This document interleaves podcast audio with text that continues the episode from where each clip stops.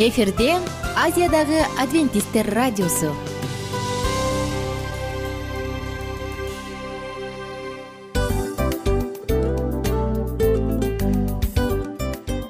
Достор салют.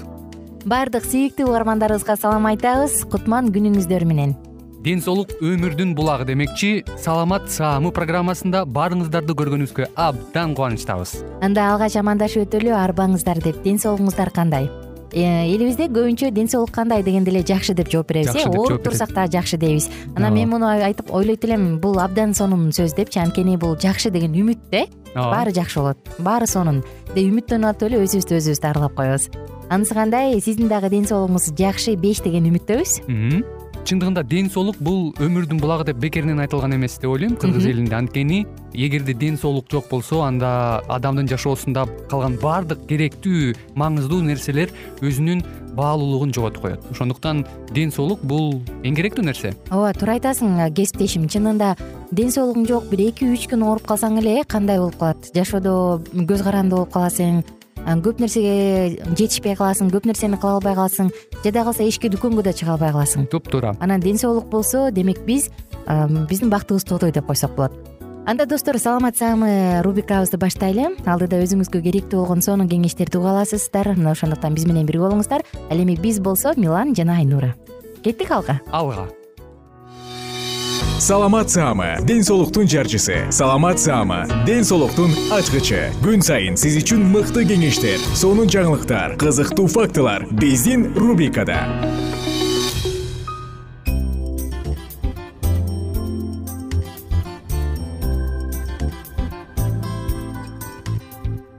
Салам достор кандайсыздар угармандар? Салют салют салют. Жана жалпыңыздар менен саламатсызармы рубрикасында үч күндүк детоксикация жөнүндө сөз кылабыз. Мурунку уктуруубузда детоксикацияны пландоо жана анын варианттары жөнүндө сөз кылганбыз эсиңизде болсо. Эми бүгүн болсо үч күндүк детоксикация кандай болушу керек? Мына ушул жөнүндө сөз кылабыз. Анда достор колуңузга калемсапты кагазды алыңыз же микрофондон телефонуңуздун мобилдик э, диктофонун күйгүзүңүз дагы жаздырып алыңыз. Кандай дейсиз? Жөнөдүк алдыны көздөй.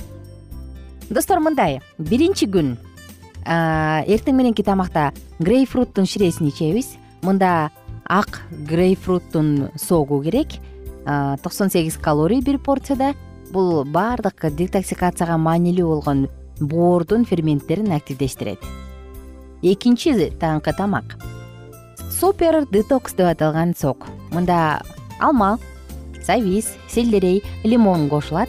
Калорий жүз отуз килокалорий эки жүз элүү миллилитрде организмден ууларды чыгарганга жардам берет. Түшкү тамак. Андалузский гаспачо деп аталган муздак суп сунушталат мында ингредиенттери томат помидор бадыраң таттуу болгар калемпири пияз нан чеснок оливка майы бир аш кашык туз жана лимон ширеси. Эки жүз элүү миллилитр мындай суптун калории жүз сексен үч килокалорий мында витаминдер жана фитонутриенттер абдан бай. Алар кандын канды тазалап кан басымды төмөндөтөт. Эми түштөн кийинки бир тамак баягы полдник деп коет эмеспизби мында талаа хвощунун тундурмасын ичиш керек. Мында полевой хвощ бир стебелин аласыз анда калорий жокко эсе бирок ошентсе дагы зараны жакшы чыгарып уулуу заттардын баардыгын организмден чыгарганга жардам берет. Дал ушул хвощтон сиз тундурма жасап ичесиз. Жана кечки тамак жатаар алдында тазалоочу бульон ичебиз. Ингредиенттер селдерей брокколи пияз сабиз петрушка сарымсак. Калорий жокко эсе канды тазалайт жана организмден уулуу заттарды чыгарганга жардам берет. Бир күндүк тамакты ичтик эми экинчи күн. Экинчисинде таңкы тамакта лимон суусу лимон суусун ичебиз. Калорий жок. Экинчи завтракта боорду тазалоочу сок ичебиз. Мында ламбар же болбосо кызыл капуста пияз сабиз лимон ширеси. Эки жүз элүү миллилитр соктун курамында жүз алтымыш килокалорий бар. Клетка боордун клеткаларын тазалайт жана коргойт. Жана түшкү тамакта биз кан басымды төмөн жогорулатуучу же калыпка жөнгө салуучу сок ичебиз. Ал кызыл кызылча помидор селдерей петрушкадан жасалат. Түштөн кийинки тамакта кадимки эле какымдын тундурмасын ичебиз. Какым калорий жокко эсе организм боор жана бөйрөктүн баардык организмин тазалайт. Жана кечки тамакта тазалоочу боорду тазалоочу бульон артишок керек бизге пияз жана лимон ширеси калорий жокко эсе же боорго жеңилдик берет жана тазалайт. Эми үчүнчү күн. Үчүнчү күндө таңкы тамакта биз лимонад бүтүн кадимки эле лимондон жасалган лимонадды ичебиз. Бирөө ингредиенттери бизге бүтүн лимон керек анда калорий жок. Кандагы ар кандай азыктарды жаман азыктарды заттарды чыгарат дагы рактан сактайт экинчи таңкы экинчи тамак. Тазалоочу сок. Мында бизге шпинат ак же болбосо тармал капуста фенкель ананас ширеси мята керек. Болду. Эмиге түшкү тамакка келдик. Түшкү тамакта болсо биз ак чесноктон ак сарымсактан муздак суп жасап ичебиз. Бизге керектүү ингредиенттер миндаль чеснок сарымсак оливка майы зыгыр майы нан лимон ширеси жана бир аш кашык туз эки жүз элүү миллилитр мындай муздак суптун калорий төрт жүз алтымыш сегиз килокалорий. Түштөн кийинки тамагыбыз. Жашыл чалкандан жасалган чай. Чалкандан чай десем таң калышыңыз мүмкүн бирок аны косметика эле эмес ичсе дагы болот. Болгону бизге керектүүсү жашыл чалкандын жалбырагы анда калорий жокко эсе ошентсе дагы кандан зары аркылуу баардык ууларды чыгарганга жардам берет. Кечки тамак. Мохито алкоголсуз мохито. Ингредиенттер мята имбирь лайм ананас ширеси жүз жыйырма беш миллилитр болгон мындай мохитонун курамында жетимиш килокалорий бар. Тамак сиңирүүнү жакшыртат жана тынчтандырат. Мына ушундай достор детоксикациянын ошентип биринчи программасы бүтөт. Бул биз үч күндүк меню менен бөлүштүк. Үч күн. Болгону гана үч күн бирок сиздин организмиңиз укмуш жеңилдикти сергектикти алат дагы анча мынча катылган майлардан арыласыз жөнөкөй эле мен мисалы э, сиздер менен чогуу бул тема менен таанышып атып ойлоп койдум жасаса болот экен деп. Жеткиликтүү эле азык түлүктөр жеткиликтүү эле меню жеткиликтүү эле баары эле жеткиликтүү. Болгону убакыт бөлүп конкреттүү түрдө болду мен ушуну жасайм деп туруп киришиш керек. Анан мындай үч күндүк программаны айына бир жолу максимум айына бир жолу кайталаш керек. Бирок андан тез тез кайталаганга болбойт экенин эске салалым мындан тышкары достор бир күндүк бар э? Алмашып алмашып жасай турган ачка болгондору бар детоксикация. Булар тууралуу биз алдыда сөз кылабыз. Маанилүүсү биз бул нерсеге даярбызбы эт азыктарынан апапак нандан пирожки самсыдан сонун сонун камыр тамактардан баш тартып ден соолугубузга кам көрүүгө даярбызбы? Бул дагы албетте чечим маанилүү. Ошондуктан достор баардыгыңыздарды оорубаганга чакырам. Оорусаң тим эле аргасыздан да ачка жатып каласың э. Ошондуктан оорубайлы эң башкысы. Андан кийин ден соолугубуздун чың болушу үчүн колдон келген аракетти көрөлү. Достор ушул жана башка сонун маалыматтар сиз үчүн керек болсо анда анда сөзсүз түрдө жалпыңыздарды саламат чекит клуб сайтына чакырабыз. Ал жерден сонун маалыматтарды уга аласыз. Бар болуңуздар күнүңүздөр көңүлдүү маанайда улана берсин. Оорубаңыздар жана көп жашаңыздар. Кайрадан сиздер менен амандашканча достор мен сиздер менен убактылуу коштошом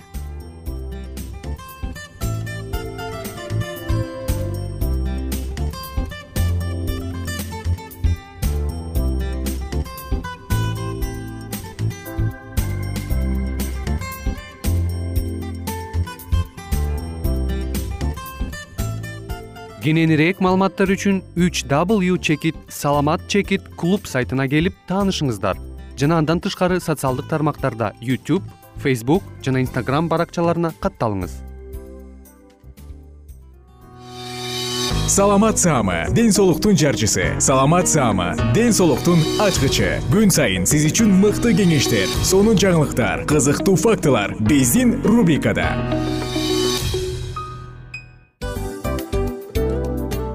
салам достор. Кайрадан биздин сүйүктүү рубрикабызга кош келиңиздер деп айтмакчыбыз. Баардык замандаштарыбызга арбаңыздар деп саламыбызды айтабыз. Улуу ушундай бир э, урматтаган учурашуу менен анан дил маек радио баракчабызга чакырабыз. Негизи дил маек биздин рубрикабызда эмне жөнүндө кеп кылабыз бул дил маектин мааниси эмнеде рубрикабыз менен кичине тааныштырып кетсеңиз. Сөзсүз түрдө тааныштыра кетейин. Кесиптешим суранычы боюнча бул учурда бул радио баракчада биз ар тарап кесип ээлеринен сонун кеңештерди алабыз сүйлөшөбүз сырдашабыз. Аталарыбыздын эжелерибиздин апаларыбыздын кеңештерин угабыз айтор. Жан дүйнөгө адамдын э, сапатына адамдын деги эле адам болуп жашашына керектүү баардык кеңештер алдыда.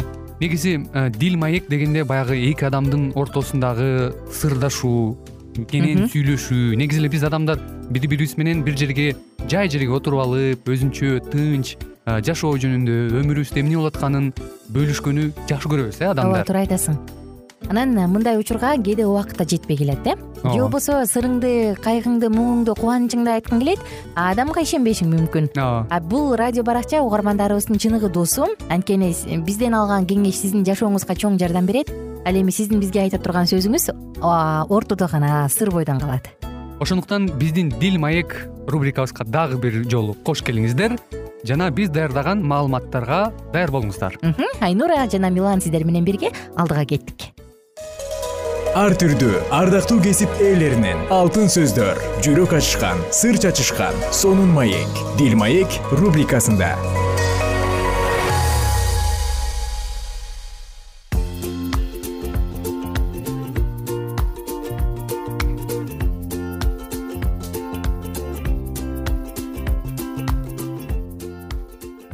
күнүңүздөр менен замандаштар сүйүктүү достор жалпыңыздар менен кайрадан жагымдуу саатыбызды баштап дил маек рубрикасына кезек берип отурабыз. Бул уктурууда дагы албетте жашообузга жан дүйнөбүзгө биздин ой жүгүртүүбүзгө таасир бере турган сонун маалыматтар менен бөлүшөлү деп турган чагыбыз. Ошондуктан баардыгыңыздарды биздин бул циклга чакырабыз. Ал эми цикл махабат күнөө болушу мүмкүнбү деп аталат мурунку уктурууда негизи бул каалоо кайдан берилген эмне болгон каалоо ушул тууралуу сөз кылып келгенбиз. Бүгүн болсо сиздер менен дисциплина жөнүндө сөз кылалы. Биз менен бирге болуңуздар жагымдуу сааттардын баардыгы мүнөттөрдүн баардыгы ар бир маалымат сиздер үчүн. Негизи латын тилиндеги дисциплина деген сөз спорт лексикасынан алынгандыгын тарбия тартип дегенди билдирерин билдиребиз э дисциплиналуу спортсмен өзүн спорт эрежелерине жана режимге өз ыктыяры менен баш ийдирет. Ал эрежелер жана режим аны кандайдыр бир деңгээлде кээ бир нерселерден чектесе дагы күч кубат берет коргойт жана алдын ала сактайт. Акыркы жылдары кеңири жайылып кеткен антиавторитардык тарбия дисциплиналуу жашоону жаштар үчүн мүмкүн эмес кылып койду деп оңой эле айтып койсо болот. Мисалы мындай тарбиянын кесепеттерин ченемдин чектин терең ой жүгүртүүнүн ойлонуп сүйлөөнүн акыл эс менен иш аракет кылуунун жоктугунан байкайбыз. Ченеми жок ичип жешет ой токтотушпайт сөзгө конок беришпейт өз милдеттерин артка жылдырып коюшат.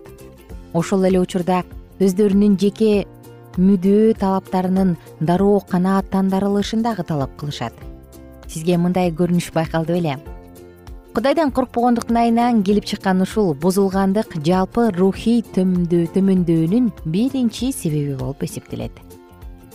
Экинчи шемуэль китебинин экинчи бөлүмүнөн дисциплинасыз жашоодо кандай коркунуч катылганын дагы таптак көрсөткөн бир биз үчүн өтө актуалдуу бир окуяны окуйбуз э? Дөйттүн жашоосунда болгон бул окуя биз үчүн дагы эмне себептен өтө маанилүү деп ойлонсок болот. Анткени ал жашы машаякчылардын өз манераларынын үстүнөн ой жүгүртүүсүнө түрткү берет. Адегенде биз падышалардын кайсы жыл мезгилинде аскердик жүрүштөргө чыккандыгы жөнүндө окуйбуз. Адатта алар жаз мезгилинде чыгышкан. Бүгүнкү күндө дагы жаштык кез ар бир машаякчы үчүн теңирибиз ыйсанын жакшы кабары үчүн күрөшүп күнөөгө каршы күрөшкө чыга турган мезгил болушу керек. Теңир үчүн кызмат кылуу күнөөдөн сактануунун эң мыкты жолу. Кылычтар жаркылдап октор учуп жатканда бир мүнөт дагы үргүлөй албайсың. Тескерисинче бүт күчүңдү бүт акылыңды согушууга жумшайсың. Алдыбызда душман турганда эркелегенге убакыт да каалоо да болбойт. Аскер башчы жояп дөөттүн баатыр жоокерлери менен рабе шаарын курчап алган учурда дөөт өзү иерусалимде калып кечке чейин төшөгүндө оонап жатканы жөнүндө окуйбуз. Бир нерсе акылыңа сыйбайт. Мурун куугунтукталып жүргөн учурунда сенин сөзүңдү терең түшүнүш үчүн түнү менен кирпик какпай чыгам деген эркек ар дайым өз аскерлерин баштап жүргөн эркек эми оозун ачып эстеп куру кыялга батып төшөгөндө жатат ар бир рухий жыгылуу библиялык саатыбызды барк албагандыгыбыздан башталат. Эгерде эртең менен эрте көз алдыбызда кудайдын сөзү болсо анда ал тарабынан бекемделип сооронобуз дагы бир күндүн ичинде келе турган азгырыктарга каршы тура алабыз. Вочмен ни чакырык сыяктуу угулган төмөнкүдөй сөздөрдү жазган экен? Бүгүнкү күндө кудайдын балдарынын көпчүлүгүнүн рухий жашоосунун алсыздыгы кайсы бир олуттуу рухий көйгөйлөргө эмес. Эртең менен эрте турбагандыкка көбүрөөк байланыштуу. Мен теңирге жакын бирок эртең менен кеч турган бир да машаякчыны билбейм. Кудай батасын берип жумуш күнүбүздү теңир менен баарлашууга убакыт бөлмөйүнчө баштабоону темирдей катуу эрежебизге айлантырып алсак экен. Ошондо көйгөйлөрүбүздүн көпчүлүгү өзүнөн өзү чечилер эле. Эгерде ар бирибиз эртең мененки ар бир библиялык саат үчүн жүз маркадан алсак анда баарыбыз тең эртең менен эрте турган дисциплиналуу адамдарга тез эле айланмакпыз э? Албетте төлөнүп берип атат дейбиз да жумуш катары көрмөкпүз да. Тилекке каршы рухий бата бизге анчалык маанилүү эместей сезилип калат да ошондон улам теңир менен баарлашууга караганда уйкуну көбүрөөк жакшы көрөбүз. Мунун кесепеттери дагы өтө жаман болушу мүмкүн. Бир аз уктай турсаң колуңду бооруңа алып үргүлөп бир аз жата турсаң жакырлыгың жолоочудай муктаждыгың каракчыдай кирип келет. Накыл сөздөр алты он он бир. Дөт бир гана жолу күрөшпөй эс алууну чечип кудай менен баарлашуу саатын бир гана жолу өткөрүп жиберип дароо шайтандын олжосуна айланып калган. Анын көздөрү кокусунан бир нерсени көрдү. Ал нерсеге ал согуш учурундагы опур топурда таптакыр көңүл бурмак эмес. Ал сууга түшүп жаткан аялды көрдү. Зеригүү бекерчилик жыныстык күнөөлөр үчүн чыракка май тамызгандай эле нерсе. Бирок бул окуянын башка тарабы дагы бар. Кудайдын элине таандык аял батшеба падышанын көзүнө урунуп калышы мүмкүн болгон жерде сууга түшүп жаткан. Бул кокустукпу же ал атайын эле ушинтип эле ишенбеген кыз келиндердин эркектердин көңүлүн бурдургудай кызыга караттыргыдай кийинишкени кадыресе эле нерсе болуп калды. Тилекке каршы ишенгендердин арасында деле ушундай болуп калды. Балким бул билбегендиктен а балким жакшы түшүнбөгөндүктөн болуп жаткандыр. Достор адамдын эгерде сен бирөөнө азгырык болсоң анда сага кайгы дейт э. Анысы кандай биздин кийингенибиз баскан турган манерабыз сүйлөгөн манерабыз сөзүбүз булардын баардыгы албетте кимдир бирөө үчүн тузак кимдир бирөө үчүн азгырык болуп калбаганы кандай жакшы. Сиздер менен убактылуу коштошобуз кийинки уктурууда ушул эле теманы андан ары улантабыз. Ага чейин жалпыңыздар менен убактылуу коштошом. Күнүңүздөр көңүлдүү маанайда улана берсин. Бар болуңуздар жана кайрадан салам деп амандашканча сак саламатта туруңуздар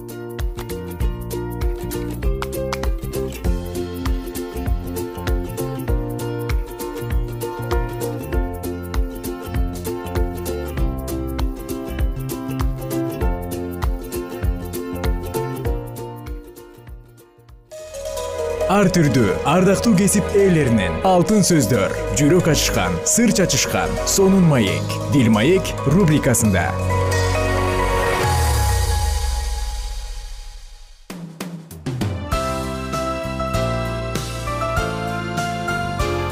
Эфирде азиядагы адвентисттер радиосу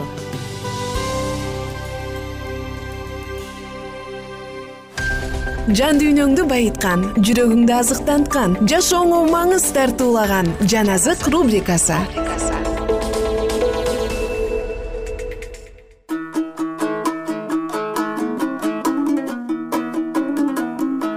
Кутман куш убак күнүңүздөр менен замандаштар сүйүктүү угармандарыбыздын баардыгына салам айтып сиздер менен кайрадан биз жагымдуу саатыбызды баштадык. Бул албетте жан азык уктуруусу жан дүйнөбүздү азыктандырабыз жан дүйнөбүздү байытабыз жана албетте сиздер менен бирге тарыхка көз салуу менен бирге чыныгы жана таза аруу чындык болгон сонун маалыматтарды бирге угабыз. Мына ошондуктан биз менен бирге болуңуздар.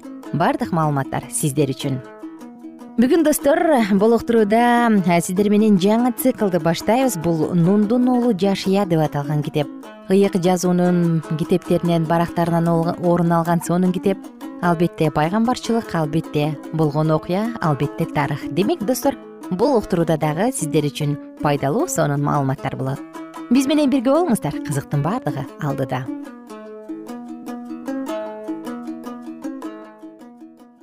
Нундун уулу жашия биринчи бөлүм. Теңирдин кулу муса. Каза болгондон кийин мусанын кызматчысы нундун уулу жашияга теңир мындай деди менин кулум муса көз жумду. Эми сен тур. Мен ысрайыл уулдарына барып берип жаткан жерге ысрайыл уулдары менен бирге мына бул иордан аркылуу өт. Мусага айтканымдай бутуңар баскан жердин баарын мен силерге берем.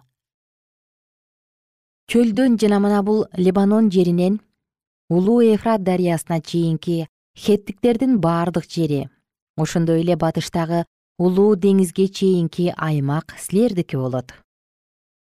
Өмүрүң өткөнчө сага эч ким туруштук бере албайт. Мен муса менен кандай болсом сени менен да ошондой болом. Сенден четтебейм сени таштабайм.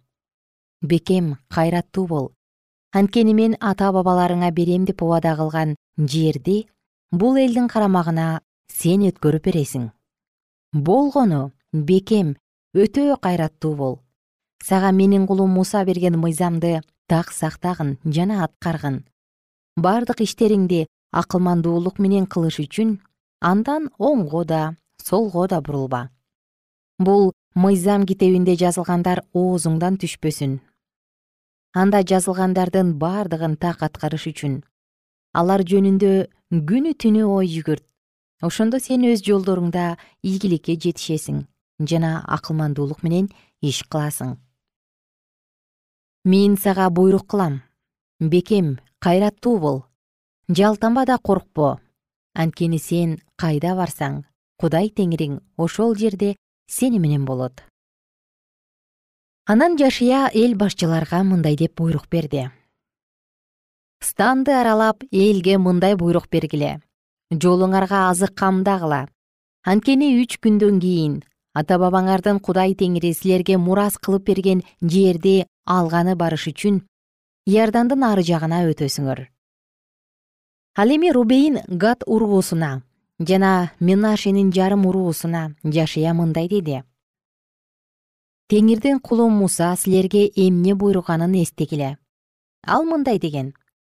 Кудай теңириңер силерди тынчтандырып силерге ушул жерди берди. Аялдарыңар балдарыңар жана малыңар иордандын ары жагында. Муса берген жерде калсын. Ал эми силер согушка жарактууларыңар куралданып алып бир тууганыңардын алдында баргыла да аларга жардамдашкыла. Теңир силер сыяктуу эле. Силердин бир тууганыңарды да тынчтандырмайынча кудай теңириңер берген жерди алар мурас кылып алмайышынча аларга жардамдашкыла ошондон соң мурасыңарга кайрылып келгиле да теңирдин кулу муса иордандын ары жагынан чыгыш тараптан берген жерди ээлегиле. Алар жашияга жооп кылып бизге эмне буйрусаң ошонун бардыгын жасайбыз. Кайда жиберсең барабыз. Биз мусаны кандай уксак сени да ошондой угабыз. Кудай теңириң муса менен болгондой сени менен да болсун сенин буйругуңа каршы чыккан сен буйрук кылып айткан сөздөрүңдүн бардыгына кулак салбаган ар ким өлүм жазасына тартылат. Болгону сен бекем кайраттуу бол дешти нундун уулу жашыя экинчи бөлүм. Нундун уулу жашыя шитимден эки чалгынчыны жашыруун жиберип жатып аларга. Барып жерди жана жерихонну көрүп келгиле деди. Экөө тең жөнөп кетти да рахаб деген бузулган аялдын үйүнө келип ошол жерде түнөп калышты. Ошондо жерихо падышасына түндө бул жакка ысрайыл уулдарынан кишилер жер чалууга келишти деген кабар жетти. Жерихо падышасы бузулган аял рахапка мындай деп айттырды. Сенин үйүңө келген кишилерди бизге чыгарып бер. Анткени алар биздин бардык жерлерибизди байкаганы келишти бирок аял ал эки кишини жашырып койду да. Мага кишилердин келгени чын бирок алардын кайдан келгенин билген эмесмин. Алар күүгүм киргенде дарбаза жабылаарда кетип калышкан. Кайда кетишкенин билбейм. Тезирээк артынан куугула аларды кууп жетесиңер деди. Өзү болсо аларды үйүнүн үстүнө алып чыгып үйүнүн үстүндө жаткан зыгыр булоолорунун арасына жашырып койду. Куугунчулар аларды иорданды карай кеткен жол менен дарыянын өткөлүнө чейин кууп жетишти. Куугунчулар чыгып кетер замат дарбаза бекиди тиги эле эки киши жата электе аял үйдүн үстүнө чыгып аларга мындай деди. Теңир бул жерди силерге бергенин билем. Анткени силер бизге коркунуч туудурдуңар бул жерде жашагандар силерден коркуп жатышат. Анткени мисирден чыкканыңарда теңир силердин көз алдыңарда кызыл деңиздин ортосун кургатканын. Иордандын ары жагындагы амурлуктардын эки падышасы сихон менен огду кандай кылып кыйратканын укканбыз? Бул жөнүндө укканыбызда жүрөгүбүз түшүп силерге каршы турууга эч кимибиз батынбай калдык. Анткени силердин кудай теңириңер жогорудагы асмандын да төмөндөгү жердин да кудайы. Ошондуктан мен силерге ырайым кылгандай силер да атамдын үйүнө ырайым кылабыз деп теңир менен ант бергиле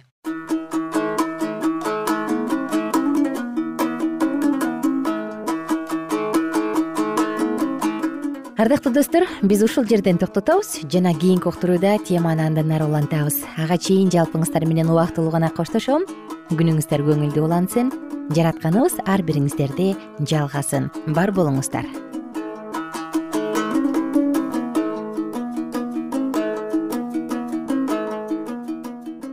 Эгер сиздерде суроолор болсо же көбүрөөк маалымат билем десеңиз анда биздин whatsapp номерибизге жазыңыз.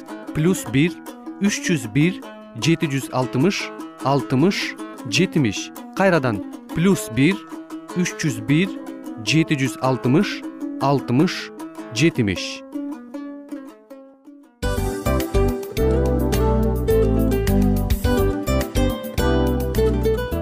достор биздин радио баракчаларыбыз соңуна келди. Демек бул программабызды дагы жыйынтыктачу учур келдик.